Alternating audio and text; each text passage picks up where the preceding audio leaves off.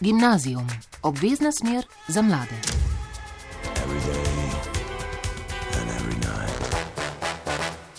Lepo pozdravljeni. Veliko krat slišimo, kako mora izobraževanje odgovarjati na potrebe trga dela in gospodarstva, dobrih praks in primerov pa ne vidimo. Zato sem se pred koncem šolskega leta odpravila na šolski center Nova Gorica, ki združuje pet srednjih šol, eno višjo šolo, moderni medpodjetniški izobraževalni center in dijaški dom, vključen pa je v veliko sodelovanj z lokalnim okoljem, kot tudi v številne projekte, ki so financirani iz evropskih evropskih kohezijskih sredstev. Izvedela sem, kaj vse nastaja v njihovem učnem izdelovalnem laboratoriju, kakšnega robota so programirali dijaki tehniške gimnazije, kaj počnejo elektrotehniki in kako so upremljene njihove delavnice. Več kot 60 let tradicije, 35 izobraževalnih programov, 2000 dijakov, 300 zaposlenih, 300 študentov, 300 odraslih udeležencev izobraževanj in usposabljanj gimnazija in zdravstvena šola, biotehniška šola, elektrotehniška in računalniška šola, srednja ekonomska in trgovska šola, strojna prometna in lesarska šola, višja strokovna šola in medpodjetniški izobraževalni center. Več zgradb, ena dislocirana enota v Šempetru pri Gorici. No, sama sem se odpravila v središče Nove Gorice, najprej pa prisluhnimo, kako je bilo to šolsko leto na tehniški gimnaziji. Gimnazijum, obvezna smer za mlade.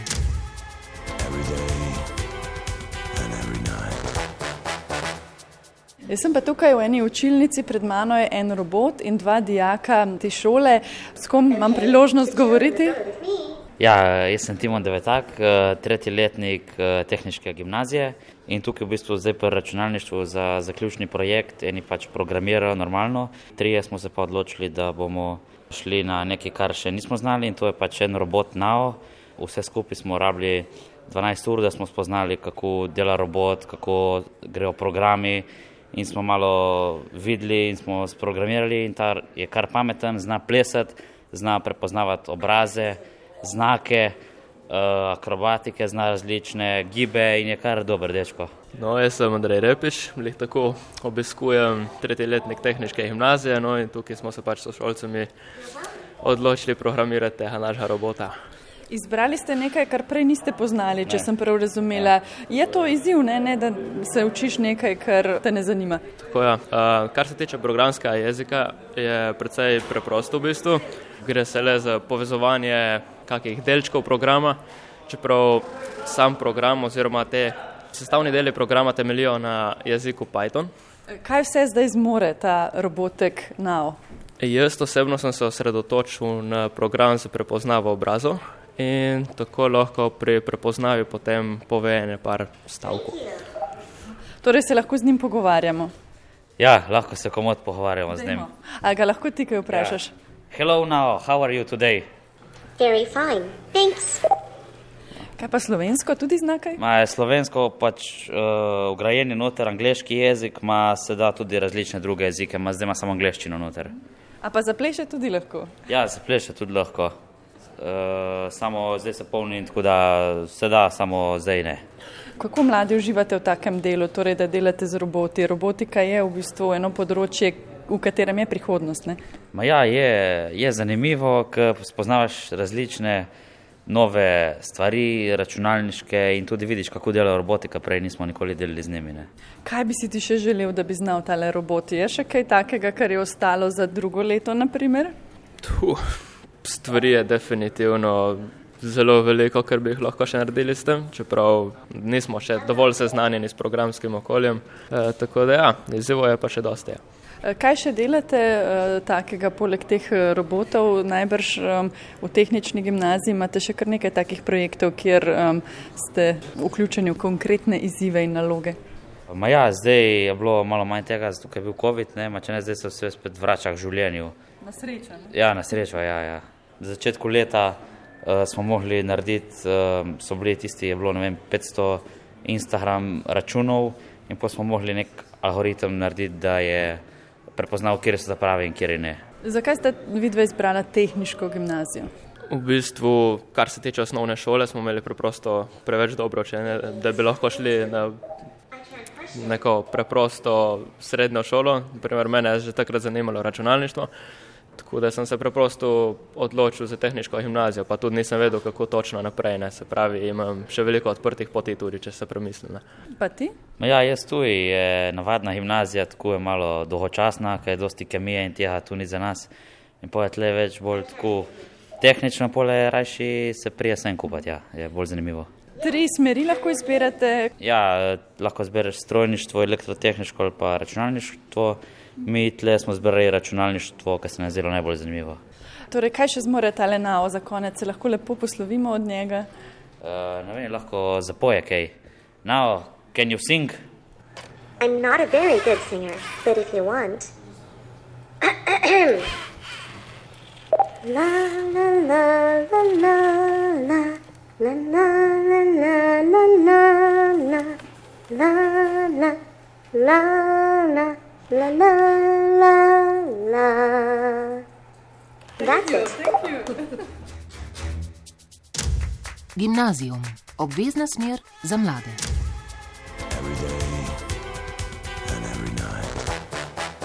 Najnovejša in prav posebna je stavba medpodjetniškega izobraževalnega centra, kjer sem imela priložnost govoriti z direktorjem šolskega centra Nova Gorica, Miranom Saksido in vodjo medpodjetniškega izobraževalnega centra Adriano Hodak. Pozdravljeni. Torej, šolski center Nova Gorica je po nekih parametrih tretji šolski center v Sloveniji. Združuje res veliko srednjih šol, višjo strokovno šolo, medpodjetniški izobraževalni center in tudi tako imenovane skupne službe. Tako da tukaj le mi izobražujemo v približno 35 izobraževalnih oziroma študijskih programih. Seveda smo pa aktivni tudi na področju projektov izobraževanja odraslih in ja, marsikaj bi se še našlo na našem centru. Za kater program pa je največ zanimanja na tem koncu primorske? Torej, takole, največje zanimanje v letu 2022-2023 se je izkazal prav za program tehniške gimnazije, kjer smo tako rekoč podvojili upis v prvi letnik. Splošno pa velja, da so vsi programi SSI, srednje strokovno izobraževanje, kar oblegani, tako da interes se povečuje povsod, zato ker se, bi rekel, tudi upisna populacija povečuje. Torej nekako prihaja v srednje šole vedno več devetošolcev in ta trend se bo nadaljeval še nekaj let. Menili smo pet srednjih šol, več poslopij. Imate potem vi kot direktor stik tudi z mladimi, ki obiskujejo vaše šole? Kolikor zmorem in utegnem, zdaj tako le bom povedal, veliko krat je ta stik posreden, bi rekel, meni o delu poročajo oziroma se pogovarjam seveda s člani kolegija, z učitelji, ja, kolikor pa utegnem tudi z dijaki. Navado imamo, da se vsaj dvakrat letno srečamo z diaško skupnostjo, tako da tako meni kot drugim ravnateljem povedo, kaj je dobrega in seveda, kaj se da še izboljšati. V končni fazi pa bi omenil tudi tako, da imamo spostavljen proces spremljanja in zagotavljanja kakovosti, tako da dijaki so pozvani, da preko anket, preko intervjujev podajo povratne informacije. Kako se je pa to združevanje teh različnih srednjih šol sploh začelo? Kakšen je bil namen združevanja sploh? Uh, torej, takole, pravi odgovor na to vprašanje bi morali poiskati na Ministrstvu za izobraževanje, znanost in šport oziroma njihovih pred, predhodnikov. Na splošno pa velja takole, da so centri uh, bolj racionalni za upravljanje, za finančno upravljanje. Uh, potem ima ministrstvo manj sogovornikov, vzrokov je več, v glavnem pa takole podobno je prav, da je združeno s podobnim, tako da preteklosti tehniški šolski center je združil vse programe z področja tehnike na ožjem goriškem. Edino pol se je pač še dodalo to storitveno področje, kjer je zaobjeta še ta zdravstvena šola oziroma program zdravstvene nege, pa recimo poslovne vede, torej ta ekonomska šola. Tako da upravljanje je vsaj za državo, za lokalno skupnost v finančnem smislu, organizacijskem smislu bistveno bolj enostavno in bolj racionalno. Pa za vas? No, tako le bom povedal, da je to za vodenje kar zahteven ali pa velik zalogaj, zahteva veliko, bi rekel, koordinacije premišljenosti in bi rekel tudi usklajevanja z vsemi deležniki. Ne. Pri tem imam v mislih ne samo deležnike, kot so ravnatelji, uh, učitelji, zaposleni in dijaki, deležniki so tudi lokalna skupnost oziroma podjetja v tem lokalnem prostoru, za katerih, bom rekel, tako v navednicah proizvajamo kader, uh, torej njihove bodoče zaposlene. Prej smo omenili, da se nahajamo v medpodjetniškem izobraževalnem centru, to je najnovejša stavba in res je vsa sveža, nova, je pa nastala tudi s pomočjo evropskih sredstev. Adriana Hodak. Ja, medpodjetniški izobraževalni center je bil zgrajen dokončno leta 2016. Zgrajen je bil iz več virov. Delno je bil zgrajen iz sredstev Evropskega regionalnega sklada oziroma sklada za razvoj regij. Delno so tudi sofinancirale tukaj okoliške občine in tudi mestna občina Nova Gorica. Delno je bilo iz proračuna Ministrstva za šolstvo in delno je bilo pa tudi partnerstvo, se pravi javno-zasebno partnerstvo. Tako da vse skupaj nekako je pripeljalo do končne stavbe ki jo imamo sedaj. Ki je tudi energetsko zelo učinkovita, sem izvedela. Ne? Točno tako. Stavba je energetsko zelo učinkovita, je tudi edinstven primer, mislim, da ne samo v Sloveniji, ampak tudi na ravni Evrope in tudi širše, še posebej zaradi tega, ker je to šolska stavba. Je pa tudi na en način učni poligon zaradi tega. Ne? Zaradi tega ima še večjo vrednost. Se pravi, se lahko mladi tudi učijo, kakšne so prednosti take stavbe. Tako je. Ja. Kakšen je sploh namen smotr, da v enem šolskem centru deluje tudi tak medpodjetniški center? Torej, glavna naloga medpodjetniškega izobraževalnega centra je povezovanje šolstva, predvsem poklicnih in strokovnih šol, skupaj z trgom dela. Poklicne šole so tako ali tako odziv na potrebe trga dela in vsi programi, ki jih izvajamo, so dajo tiste znanja, ki jih trg dela potrebuje. No, in MIC, na kratko, medpodjetniški izobraževalni center, je prav tisti, ki skrbi za povezavo teh in drugih, da recimo ti procesi potekajo še bolj kvalitetno in učinkovito. Je pa druga naloga uh, MICA, recimo, ki je taka zelo pomembna, tudi razvoj poklicnega in strokovnega izobraževanja, saj je uh, glede na to vse, kar se spreminja na trgu dela, ampak ne samo na trgu dela, tudi recimo, kar se tiče mladih generacij, ki imajo povsem drugačno percepcijo, kako pridobivati znanje, kako delati, kako se učiti. Uh, vse te stvari sledimo v MICU in jih poskušamo tudi nekako razvijati oziroma nove dejavnosti, aktivnosti, ki podpirajo potle vse te spremembe, tako na trgu dela ali pa recimo v povezavi z mladimi. Kakšno pa je to sodelovanje v tem goriškem območju, torej med izobraževalnim sistemom in gospodarstvom? Uh, s podjetji oziroma z delodajalci in drugimi deležniki na Goriškem se mi zdi, res zelo veliko sodelujemo. No? Na razno raznih aktivnostih v okviru kariernega svetovanja, drugo je v okviru vem, usposabljanj za njihove zaposlene ali pa skupaj razvijamo nove programe. Uh, sodelovali smo skupaj v zadnjih dveh letih tudi pri identificiranju novih znanj, ki so potrebna na področju uh, interneta stvari. Uh, skupaj smo govorili, na kakšen način bomo ta nova znanja zdaj tudi posredovali naprej, mladi drugače razmišljajo sedaj o načinu pridobivanja znanja, zaradi tega skupaj z njimi tudi iščemo nove načine, kako mladim dati ta znanja. Sodelujemo tudi v okviru učnega izdelovalnega laboratorija, kjer izdelujejo vem, kakšne take konkretne projekte, rešitve, prototipirajo. Se pravi, tega sodelovanja je res ogromno, prav na vseh področjih. No, seveda se mi pa zdi, da se je mm, v zadnjih petih letih odnos podjetij tudi do izobraževanja nekako spremenil. Prej je bilo veliko sodelovanja, največ v okviru prakse, ki jo mladi opravljajo v podjetjih. Zdaj se mi pa zdi, da hočejo podjetja bolj strateško in tudi res redno sodelovati z nami, ker je kader je seveda vse bolj dragocen, iščejo talente in se želijo res aktivno sodelovati pri tem, da jih tudi oni sami vzgajajo. Eh, gospod Saksida, kako bi pa vi ocenili to povezavo med gospodarstvom in izobraževalnim sistemom, konkretno vašim centrom na tej goriški regiji?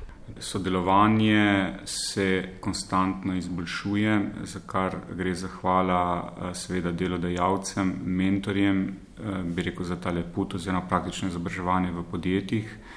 pa seveda na drugi strani pa tudi med podjetniškim izobraževalnim centrom oziroma učitelji, ki vedno večkrat na različne načine se povezujejo z aktivnostmi v podjetjih. Seveda so, bi rekel, še zadeve, ki jih je vredno izboljšati tako da rezerve so pri spreminjanju programov, pri, bi rekel, drugačnem udejanjenju odprtega kurikula in še bi lahko našteval. Seveda je potrebno se ozreti tudi, bi rekel, na te finančne vidike. Torej v preteklosti smo dobili kar nekaj donacij iz lokalne skupnosti, ki je tako ali drugače, bi rekel, posredno, bi rekel, financirana strani, bi rekel, delovno aktivnega prebivalstva, se pravi tudi delodajalcev. Eh, in želimo si še več, bi rekel, donacij, opreme, ki je najmodernejša, najsodobnejša, tako da so še rezerve no, pri sodelovanju. Šolski center Nova Gorica je opet kar v nekaj tudi evropskih eh, projektov, ne? če se ne motim, Adriana Hodak. Ja, res je, že, v bistvu že skoraj 20 let smo močno upeti v evropske projekte.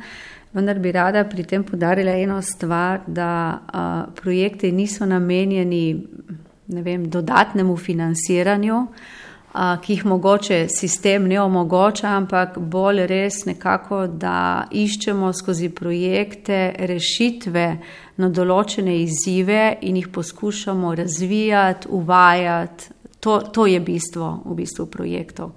To bi bil tisti pravi odgovor.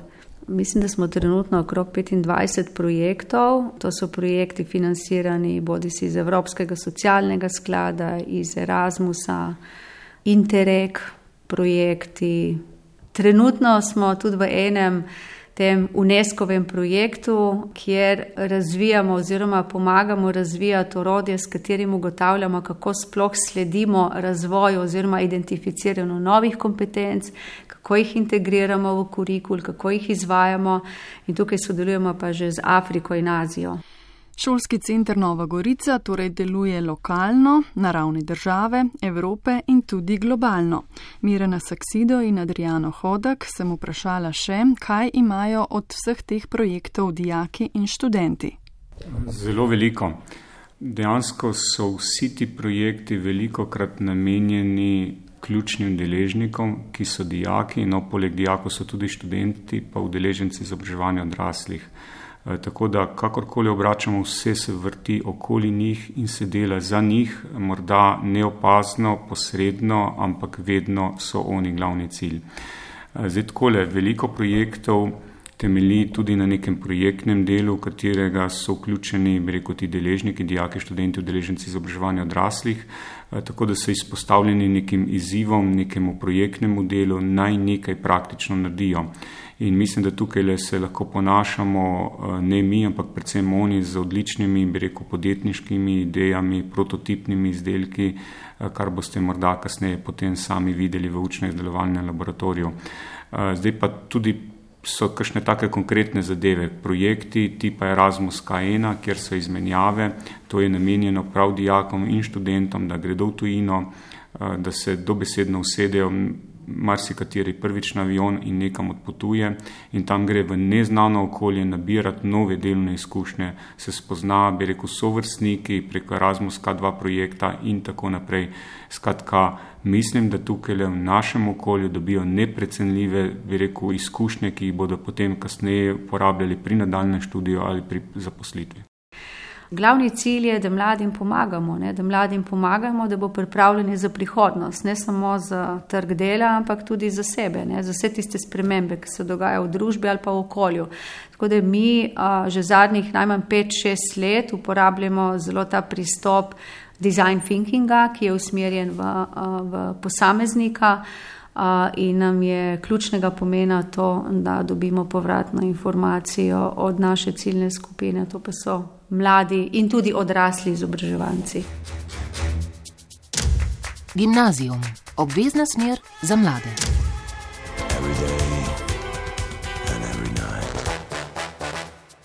Tako kot v nekaterih drugih šolskih centrih, imajo tudi v Novi Gorici učni izdelovalni laboratorij in res me je zanimalo, kako izgleda in kaj se v njem dogaja. Lepo zdrav, kdo pa me bo popeljal po učno-izdelovalnem laboratoriju? Uh, Uroš Polanc, uh, v bistvu jaz nekako upravljam, kar se tiče laboratorija. Zelo zanimivo izgleda, kaj se tukaj dogaja. V bistvu sam laboratorij je narejen po principu FabLaba. Zdaj, za tiste, ki ne veste, kaj je v bistvu FabLab, je kot nekako v osnovi prototipen laboratorij. Prototipen laboratorij pa v bistvu pomeni, da lahko um, v tem prostoru pridemo od ideje do prototipa. Se pravi, tukaj imamo tudi opreme, ki potrebuješ, da se v bistvu vse to lahko izvede. Tako da v bistvu imamo kar širok nabor za različne eh, tehnologije, ki jih pač uporabljamo pri prototipiranju. Um, laboratorij je sicer v delu šole, uh, v sklopu šole, ampak je v bistvu odprt za vse. Se pravi, bilo kdo nas lahko obišče, z nami sodeluje, uh, tlele ustvarja, se mreži, izobražuje, karkoli pač uh, bi potreboval, si želel. Danes vemo, da tehnologije se tako hitro razvijajo, toliko novega znanja moramo imeti in zato tudi pač smo opazili, oziroma že vsi vemo, da sam dosti stvari uh, ne moreš narediti, oziroma vsak ne more imeti toliko znanja, kot bi ga potreboval za neko stvar narediti. Zaradi tega mi dajemo podarek tlele na mreženje, da v bistvu združujemo v tem prostoru, se pravi, ustvarjam kar nek uh, skupen prostor, ki spodbuja kreativnost, spodbuja sodelovanje in razvija nekih inovativnih idej. Zaradi tega v tem prostoru združujemo dijakov, študentov, profesorjev, strokovnjakov z podjetij, različnih entuzijastov, startupov, uh, v bistvu vseh z nekih zainteresiranih, ki bi radi z nami sodelovali in potem oni v bistvu skupaj sodelujejo, se izmenjujejo znanje, razvijajo različne ideje, delajo na storitvah, sodelujejo pri naših aktivnostih in v bistvu en kup, en kup enih drugih stvari še. Ena velika prednost se mi zdi tudi to, da tukaj ne gre za šolske projekte, ne, temveč za projekte, ki zrastejo v glavah eh, mladih in jih želijo nekako realizirati izven šolskega kurikuluma. Tako, v bistvu tlele v samem laboratoriju se ne izvaja prav šolski proces, ampak so ekstra aktivnosti.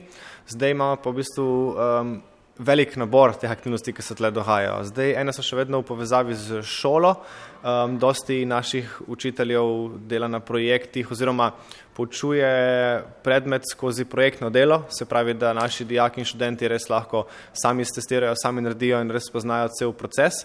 Imamo pa potem tudi en kup različnih aktivnosti, kot so uh, delavnice, izobraževanja, neka srečanja uh, za podobno mišleče oziroma na različne zanimive tehnologije, tekmovanja, kot so hekatoni, zdaj to so lahko lokalna, mednarodna in pa sodelujemo sigurno z dosti podjetji, zaradi tega, ker pri vseh naših aktivnostih vedno pravimo vključiti podjetja, ker se nam zdi res pomembno, da dobimo pravi feedback, se pravi strani podjetij, kakšne uh, znanja potrebujejo njihovi delavci, kakšne kompetence in potem v bistvu skupaj z njimi pravimo to predati tudi na dijake ker dobro vemo, da eh, v samo šolo ne moramo kar naenkrat upeljati vseha, tehnologija in potrebe trga dela se pa ful hitro spreminjajo. Zaradi tega potem skozi različne datne aktivnosti pravimo tudi te stvari, spremembe prenesti uh, uh, na dijake in potem skozi te aktivnosti imajo dijaki možnost, da spoznajo podjetje, da spoznajo neke profesionalne procese dela in pa isto podjetje, da potem spozna dijake in pa tudi usmerja dijake v stvari, ki jih so v interesu uh, podjetij, seveda. Ne? Kdaj je tukaj not največ dijakov? Um, največ dijakov je prav malo po koncu pouka. Trenutno se vemo, da je matura, počitnice, tako da zdaj jih ni preveč, so pa v bistvu čez celo šolsko leto se gibajo različno število dijakov, med 10 in 20, ki pridejo um, ali sem zdaj tle tudi potem prakso, se pravi, lahko pridejo sem na prakso in potem skupaj z mentorjem razvijajo različne projekte, se učijo nove tehnologije in potem lahko delujejo na neki um, zaključni nalogi, na nekem sodelovanju z kakšnimi podjetji, ustanovami in v bistvu se potem razvija neke res aplikativne stvari oziroma zelo radi spodbujamo dijake, da delajo na nekih izzivih, ki izhajajo iz pravega sveta. A sva lahko konkretna, kakšnih izzivov ali pa z katerih področji največ stvari tukaj nastaja? Um, zdaj, tako bom rekel, uh, dosti delamo mi na evropskih projektih, um, zaradi tega sodelujemo potem z uh, dosti različnimi strokami, tehnologijami. V bistvu ena velika prednost le pri nas je prav to, da smo v bistvu multidisciplinaren laboratorij, kar pomeni, da so vse stroke, od ekonomske, zdravstvene, umetniške, strojništva, elektronike, karkoli. Um, zdaj, mogoče en projekt, ki smo ga tle delali, ki bo, bojo, boste poznali, sigurno vsi ste slišali že za Giro d'Italia. Za Giro d'Italia, če ste bili kaj okoli uh, dirke, boste verjetno opazili, kakšne da so zeleni in pa roza kolesa narejena. In v bistvu to je bil tudi projekt, ki smo ga zdaj tlele.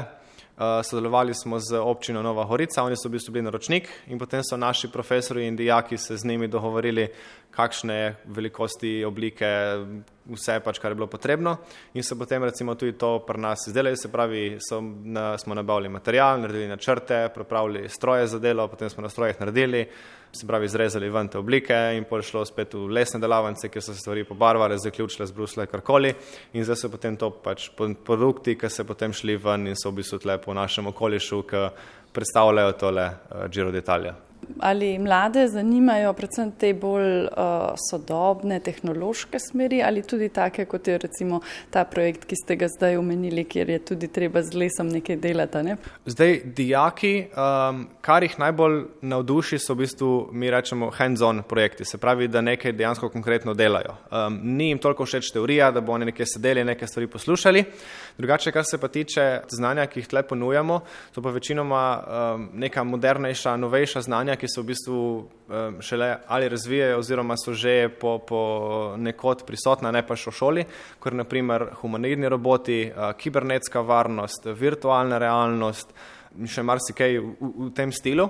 In v bistvu uh, dijaki, ki pridejo sem, se potem navdušijo eno od teh stvari, oziroma um, jaz vedno rad se najprej z njimi usedem, malo pogovorim, da vidim, kaj njih zanima, nad čim so navdušeni in potem v bistvu s tem delamo naprej. To je plus ne za eno šolo, da ima tak laboratorij, ki je multidisciplinaren, ki omogoča mladim po šoli še delati na enih takih konkretnih izzivih in nalogah, ki jih mogoče v šoli pri pouku ne srečajo. Eh, definitivno je ogromna prednost to za, za dijake, za šolo, tudi za profesorje, ker jaz vedno povem to, da ni samo, da mi učimo dijake, ampak tudi dijaki naučijo nas in tudi mene so naučili že marsikaj in smo iz tega potem naredili res fajn, fajn projekte, ki ste jih moče že slišali za njih, ker je bil recimo virtualen laboratorij, ki smo ga razvili, zelene um, hiške, ki so v bistvu razvili smo več hišk, vsaka predstavlja neko svojo različno tehnologijo v povezavi z zelenim, se pravi sončna energija, vetrna energija, talno gretje.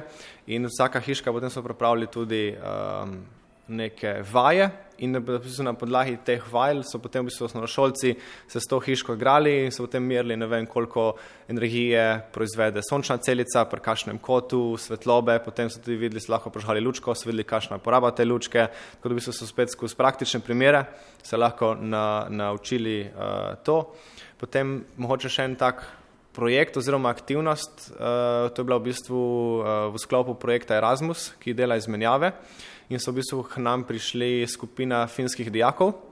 Eh, te fince smo potem pomešali z našimi dijaki in v bistvu so imeli nalogo v dveh tednih razviti VR aplikacijo, se pravi virtualno realnost, ki predstavlja uh, mesto prihodnosti oziroma spodbuja mesta k bolj zelenemu trajnostnemu razvoju.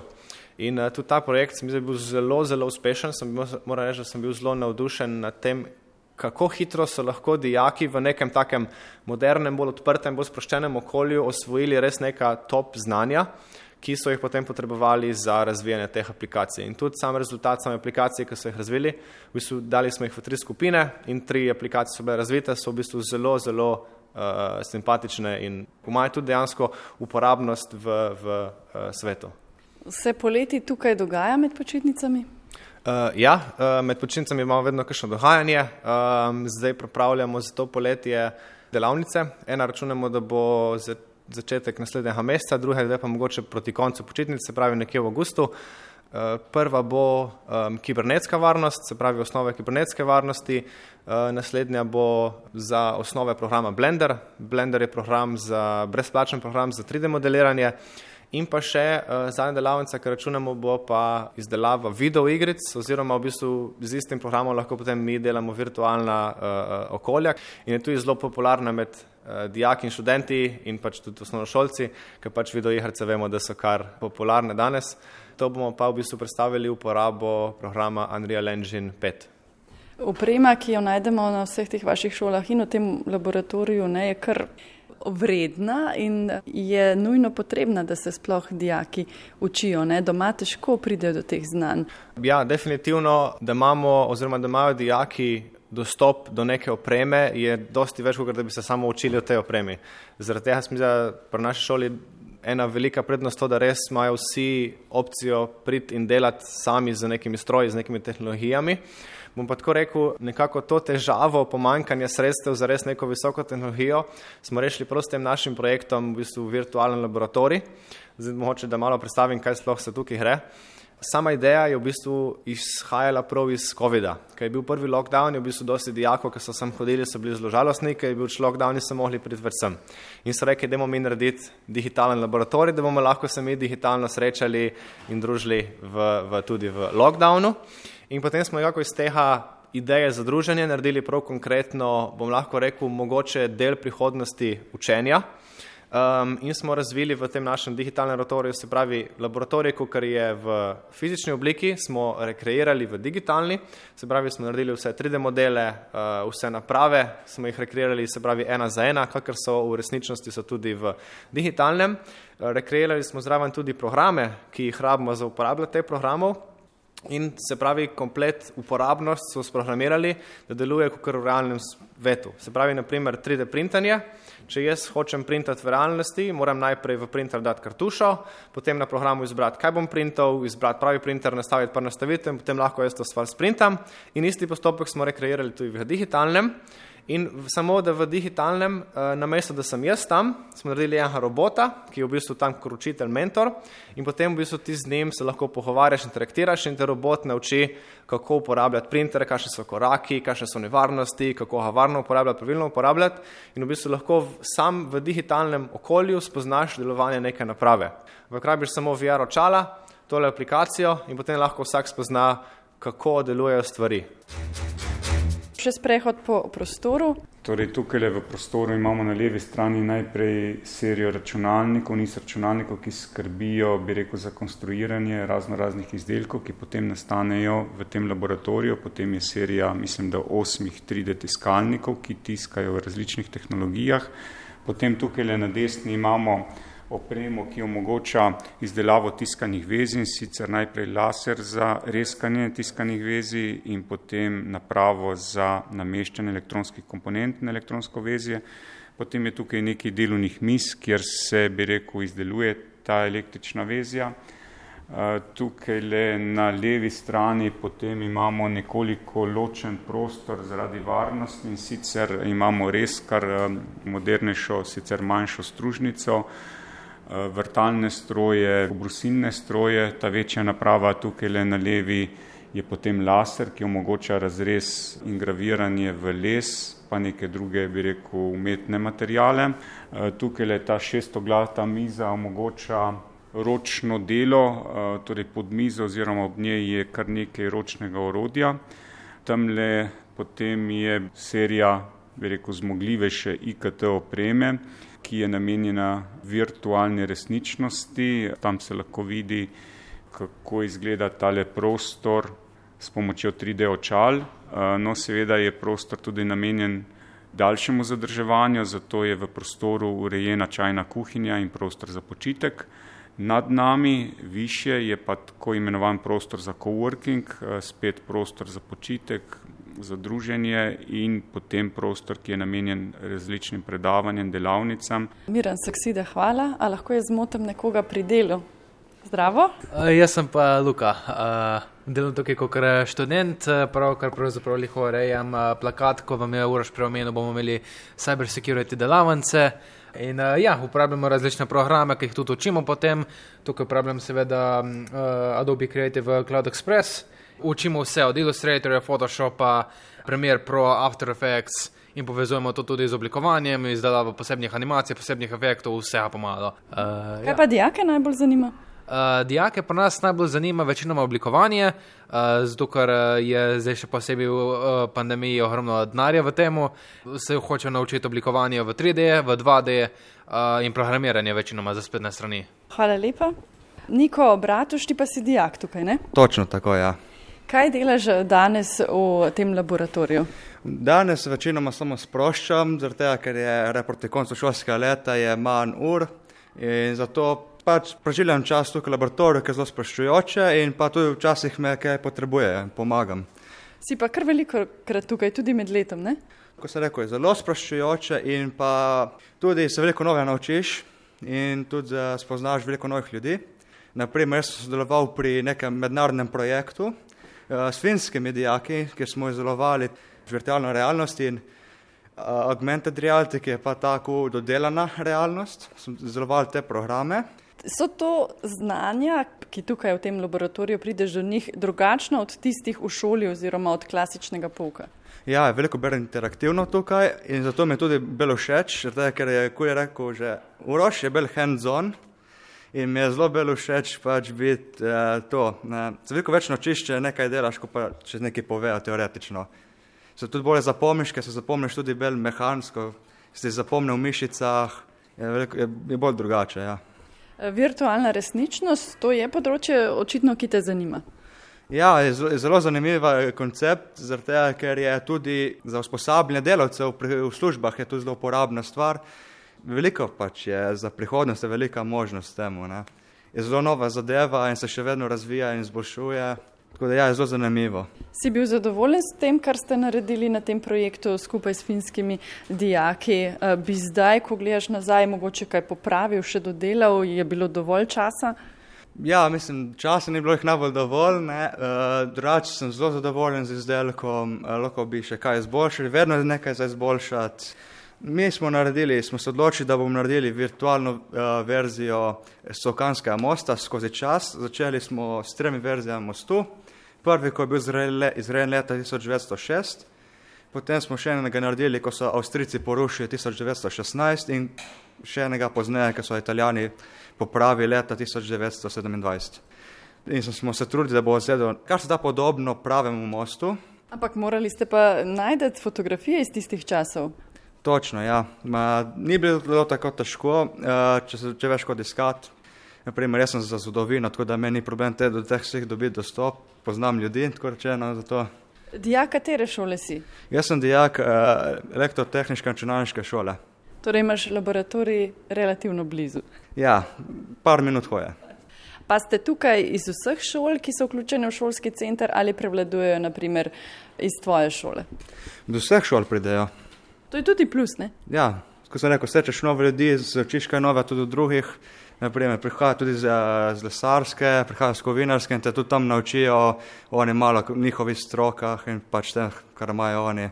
In se naučiš tudi tisto. Ja. Kaj pa naprej, kakšne so tvoje želje po srednji šoli? Trenutno ne vem še točno, nameravam tudi, da bom prav višjo. Tudi tu. Ja da bo še vedno tako samo. Bo še vedno bil tu, ja. Poleg virtualne resničnosti te zanima še kaj, kar se tu dogaja, pa boš mogoče temu posvetil pozornost v prihodnjem šolskem letu? Ja, jaz sem se tukaj tudi lani, marca sem tukaj prvič učil delati modelirane v Blenderju. Luka mi je pomagal, mi je pomagal s tem. In me modeliranje kar zanima tako. Drugač tukaj sem se tudi naučil delati naprimer s 3D printerji. Jaz se učim tudi z laserjem s pomočjo Uroša. Uh, pa tudi druge stvari, nekaj prej, skozi zraven pomagam, ne me naučijo sproti. Tudi tisto, kar ne vem, ali si bi rad učil, ne spoznam. Ne. Kar zanimivo. Ne. Niko, najlepša hvala. Hvala vam. Hvala. Uroš, brainstorming pa se tukaj dogaja, torej druženje, razpravljanje, ideje, ne najbrž se kar krešajo v tem zgornjem prostoru nad laboratorijem. Prav tako, ja, zdaj spodaj, kot smo slišali, je bolj tehnično orientiran, tle gore pa bolj eh, mehke veščine, se pravi druženje, kreiranje idej, eh, poslovnih idej. Mi opažamo, da je zelo velik razkorak oziroma potreba lih potem tudi znanju eh, podjetništva. Se, naši tehnični dijaki so zelo dobri za narediti nek izdelek, potem pa ne znajo podati. Imamo pa na drugi strani eh, ekonomsko šolo, kjer so pa valjda zelo dobri pri podjetništvu in eh, marketingu, ne znajo pa sami izdelati teh stvari. Zaradi tega mi dosti skozi aktivnosti tudi povezujemo, se pravi, eh, različne šole. Moram reči, dosti sodelujemo prav z eno profesorico iz ekonomske šole, Tanjo Šajhvalič in enim učencom potem pomagamo pri res realizaciji njihovih prototipov, njihovih idej v ta proces pravimo vključiti čim več tudi drugih eh, dijakov z tehničkih šol, da potem tudi oni moče malo spoznajo sam proces eh, podjetništva. Um, še ena stvar, ki je tukaj hor, ki bi moče izpostavil, je en uh, projekt, ki se imenuje Escape to Stay. Zdaj, cilj tega projekta je, da v bistvu skupaj z mednarodnimi partnerji iz Avstrije, Nemčije, Španije in Portugalske razvijemo sobo pobega. Sobo pobega verjetno poznaste, zdaj še posebej v zadnjih letih so kar precej popularne ratale in so zelo dobre že v sami osnovi iz tega uh, vidika, ker zelo spodbujajo timsko delo, logično razmišljanje, kritično razmišljanje, neko sodelovanje med uh, člani. Um, mi smo pa hoteli dati zraven še element izobraževanja in pa promocije tehničkih šol. Primarna skupina so osnovnošolci za tole sobo. Zato, ker bi radi, uh, smo opazili, da je zelo velik problem pri dijakih, nasplošno tudi po vseh partnerskih državah, lih to, da se upišejo na en program, pa potem jim ni prav všeč, pa se prepisujejo in potem lahko zgubijo ful časa. Zaradi tega smo potem skozi to sobo pobeha uh, pripravili nekako izzive, ki so povezani z elektroniko, pa s programiranjem, pa malo z lesarstvom, pa še na matematika.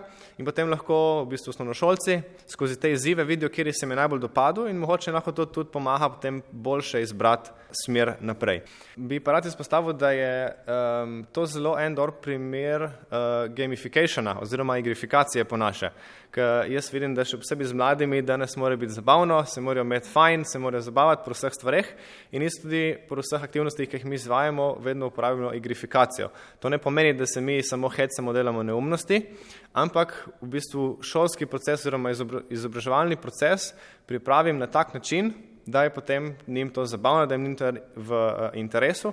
In tu se mi zdi, da ta escape room je lihen tak primer zelo dobre prakse, uh, kako porabiti nekaj zabavnega, da potem mi lahko poučujemo uh, otroke različnih stvari, kar, kar uh, jih pač hočemo naučiti. Ne?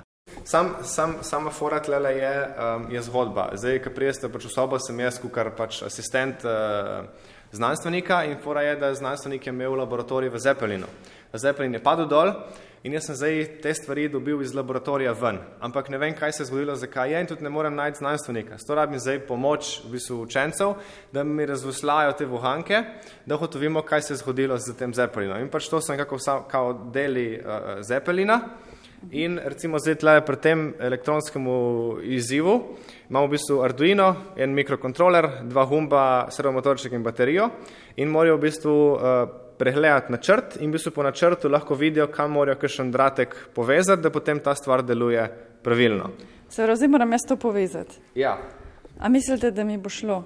Ja. Joj. Zdaj, te dratke so pomembne, nekaj so zunaj. V bistvu pogledamo, uh -huh. Tlele. je 5V, mora iti v eno lukenco bolj tja, tole. Tole. Tisto, ja. Kar noter, iz vrha dol. A iz vrha? Iz vrha dol, Četrta? Ja. A je sigurno? Ja, četrta ja. je, ok, bolj modra. Modra je. Modra je druga. Tako. Dobre oči rabiš za to? Ja, ja. ja. Um, vse gre z vrha dol. To? Tretjo? Ja. Ne, drugo. To je to, una gre eno vrsto bolj gor. Je tudi ok tam. Pa tukaj le... Gre na, nad tiste. Ha. Drugo. Ja. Ok. Da vidim, če bi me sprejeli v šolo. Pa še tole, aha. Evo, zdaj malo počakamo, da se ta zalaufa. Aha, res so se lučke prižgale. Ja, ja. In zdaj, če stisnemo dva humba. Takole. Se potem. Nekaj bistvu, se je zgodilo. Ja, potem tle se odpre in ti v bistvu Aha. pokaže rešitev. In v bistvu vsak, vsak tale uh, izziv dobiš dve številke in te dve številke potem uporabiš Aha. pri zadnjem, uh, da odpreš ključavnice. Gimnazijum. Obvezna smer za mlade.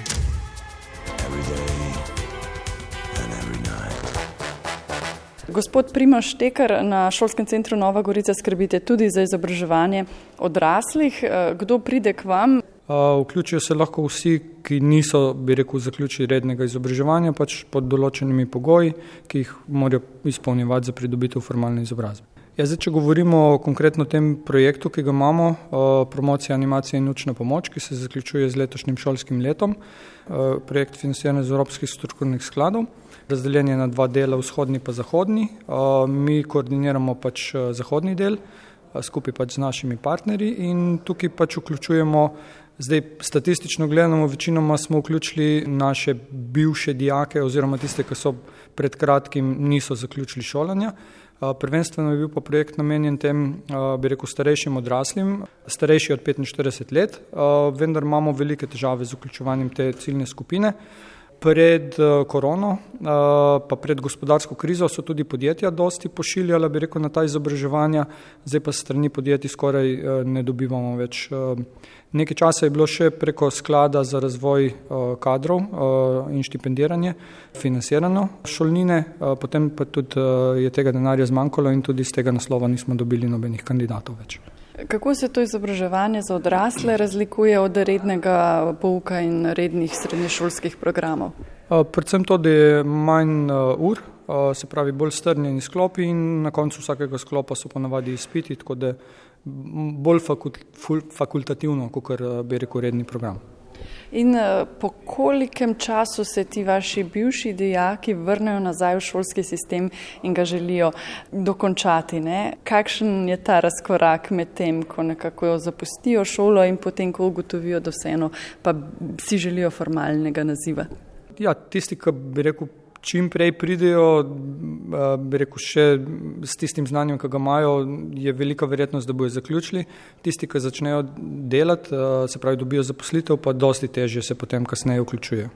Zakaj je težje? Zato, ker so že upeti v eno drugo življenje, pa imajo premalo časa za učenje ali ker je šlo znanje tako naprej. Ja, to je več dejavnikov. Ne.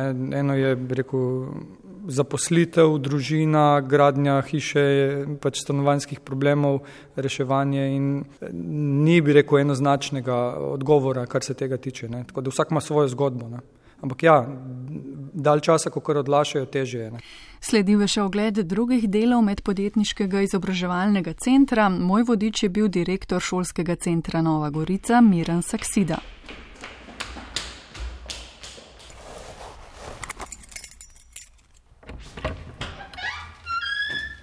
Aha, kje smo zdaj? Uh, torej, tole je črni del stavbe MIC, v kateri so večinoma delavnice in sicer so tukaj le strojna obdelava kovin, uh, stružnice, cence, stružnice, uh, varjenje, uh, reskanje, torej razrez obdelava kovin, uh, tudi na ročni način.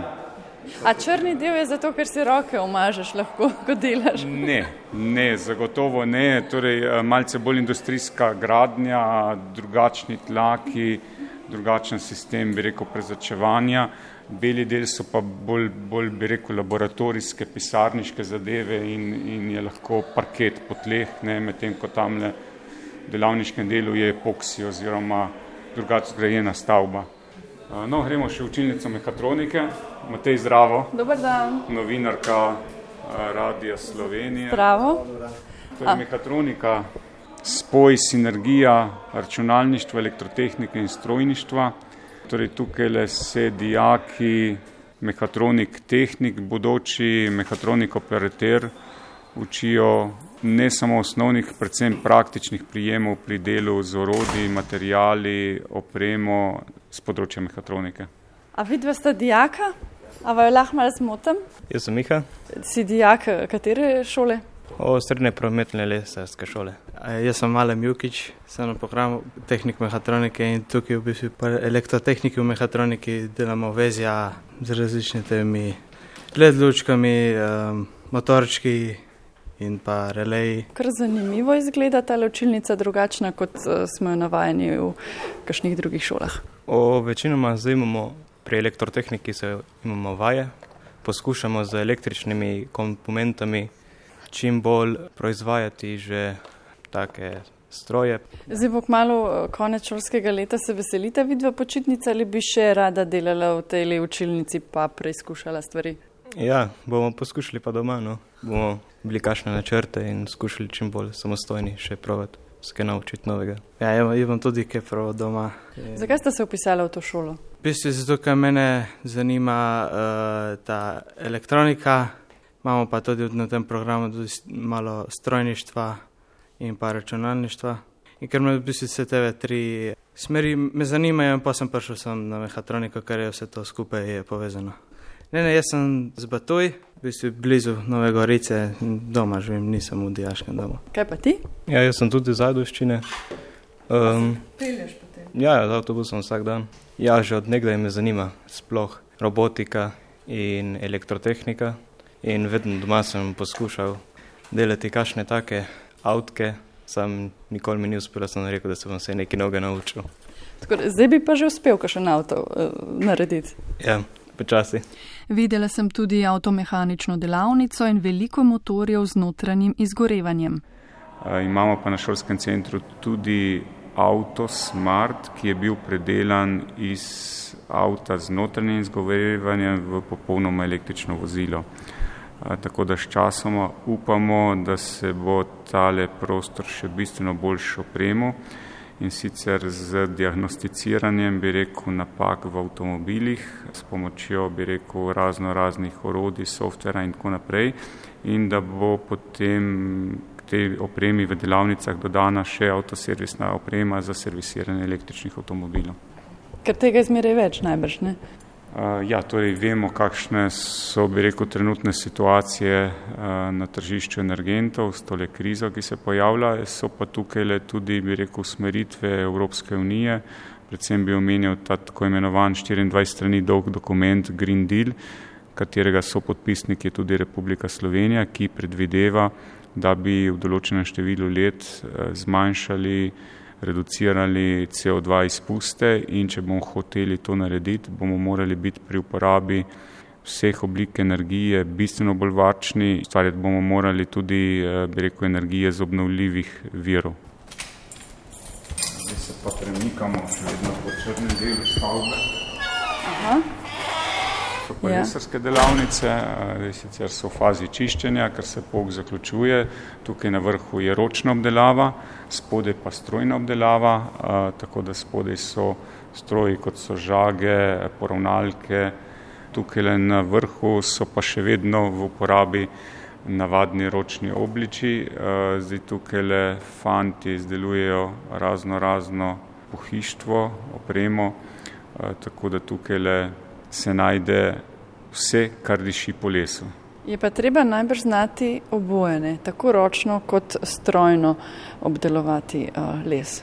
Običajno se vsi dijaki v vseh poklicnih, pa tudi tehničnih programih najprej soočijo, bi rekel, z fino motoriko, z motoriko, ki je potrebna za ročno obdelavo, tako da spoznajo materijale, elemente, orodja, sklope, eh, ki se pač uporabljajo tako, kot smo že večkrat rekli, s tem hands-on predstopom, eh, torej da otipajo, da poskušajo, šele potem grejo v neko strojno obdelavo in potem v neko računalniško vodeno strojno obdelavo, tako da izobraževanje usposabljanje zagotovo stopensko odročne proti sofisticiranemu računalniškemu vodenemu delu ne vem, morda če gremo še skozi, še spet in zdaj se vračava na beli del. A greva noter. Aha, elektrike. Dobar dan. Dobar dan. To so pa dijaki tretji, drugega leta. Kako vam je ime? Uh, Džanan. Lena. Jaz sem se upisala, da bi dobila strokovno znanje o računalništvu in da dobim več kot na kakšni drugi šoli. Je to kar prihodnost, ne? Ja, sigurno je zelo perspektivna smer za se šolati in bo zelo dosti ljudi lahko dobi službe v tej panogi. E, kako izgleda pouk, koliko je teorije, koliko je prakse, dela na računalnikih, programiranja? Poprečno imamo e, polovico pouka v teoriji, polovico prakse. Če izpostavimo ta predmet, e, ki smo zdaj imeli, vzdrževanje programske opreme, predvsem delamo z povezavami med računalniki v omrežji. Pri teoriji se učimo, kako povezati, pri praksi pa povezujemo računalnike eh, v razna omrežja, komuniciramo z različnimi eh, računalniki v drugih omrežjih. Je veliko znanja, veliko splošnega znanja, ki bo v vsakem primeru uporabno v življenju, ker se vse pač razvija v računalništvo. Je razmerje med teorijo in prakso vzate v redu, bi ti imel mogoče česa več? Mogoče še malo več prakse, ker v teoriji se le naučimo osnov računalništva, v praksi pa to vidimo, kako deluje, kako komunicirajo med sabo računalniki in uh, je bolj zanimiva tudi praksa kot teorija. Um, Zdaj se lahko v teoriji naučiš dosti, a pri praksi vidiš, kaj lahko gre na robe in dobiš drugačne izkušnje kot pri teoriji. In brez praktičnega dela tudi teorija ne pomaga nekaj dosti. Koliko pa je deklet v tej smeri? V A razredu smo dve in v B razredu so tri. Skrbijo fanti za vas? A, v bistvu smo bolj posebej, se ne toliko povezujemo. Fanti, zakaj je to tako? ne vem, so se ločile. Kaj pa načrtujete eh, med počitnicami? Bo tudi računalnik del vašega vsakdana ali boste med počitnicami dali računalnik stran? Ampak- Kakšni pa so načrti? Uživati čim več, čim več s prijatelji in uh, najverjetneje manj uporabljati računalnik in telefone. Jaz bom provala čim več delati, da dobim denar in izkušnje, ampak bom delala v računalništvu, da jih malo dam na stran, ker je že šolo dosti. Pa je bilo leto težko, zahtevno. Meni osebno ja, ma se mi zdi, da mi je malo padel interes v to, ma če ne je bilo lih odlično za delati. Vse se mi je spremenilo, neki, mogoče tudi snov, ampak jo. Upaš, da bo v tretjem letniku bolje, ne? Uh, ja. A boš zamenjala mogoče celo smer? Ja, zdaj naslednje leto se prepišem. Aha, kam pa pošla? Uh, na tehnično gimnazijo, da dobim splošno maturo, ki je tukaj ne morem. Torej, samo eno dekle prihodnje leto. Ja, nažalost. Ampak vseeno verjamem, da se boste dobro imeli. Hvala lepa, pa srečno. Gimnazijum, obvezna smer za mlade.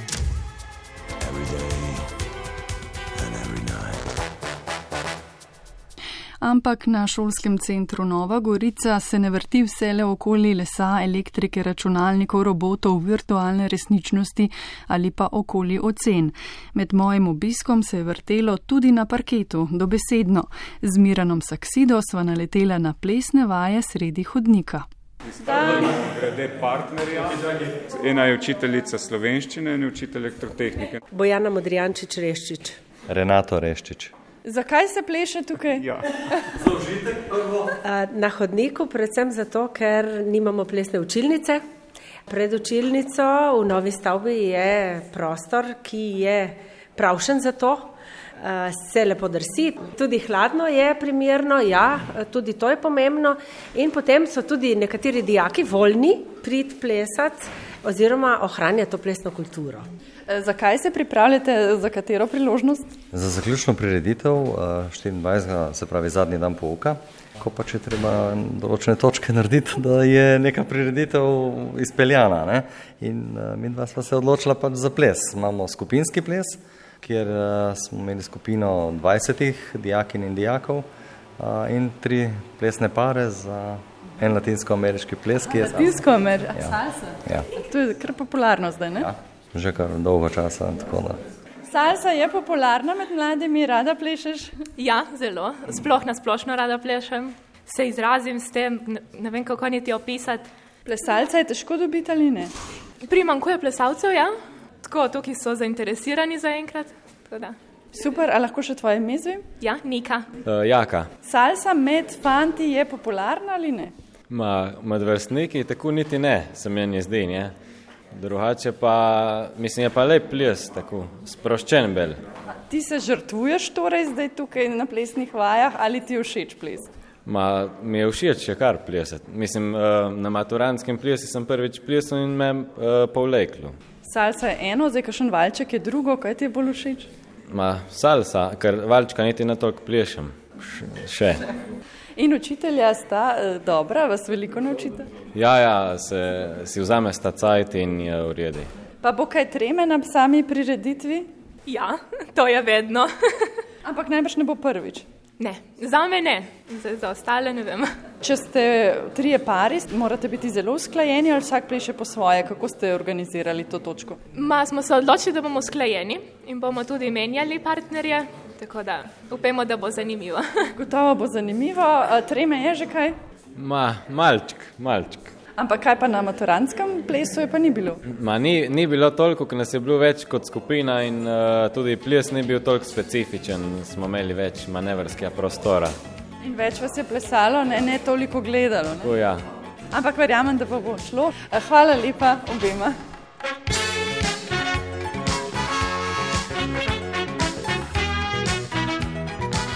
Dijaki so že odplesali na proslavi, tja v poletje, mi pa smo priplesali do konca odaje. Dijakom in študentom šolskega centra Nova Gorica želim veliko uresničenih poletnih in učnih načrtov, izdelanih prototipov in aplikacij, vodstvo pa uspešno povezovanje z lokalnim okoljem in sodelovanje v evropskih projektih še naprej. Hvala vsem sogovornikom, poslušalcem pa za pozornost. Odajo sem pripravila Špila Šebenik. Prijetno poletje. Gimnazijum, obvezna smer za mlade.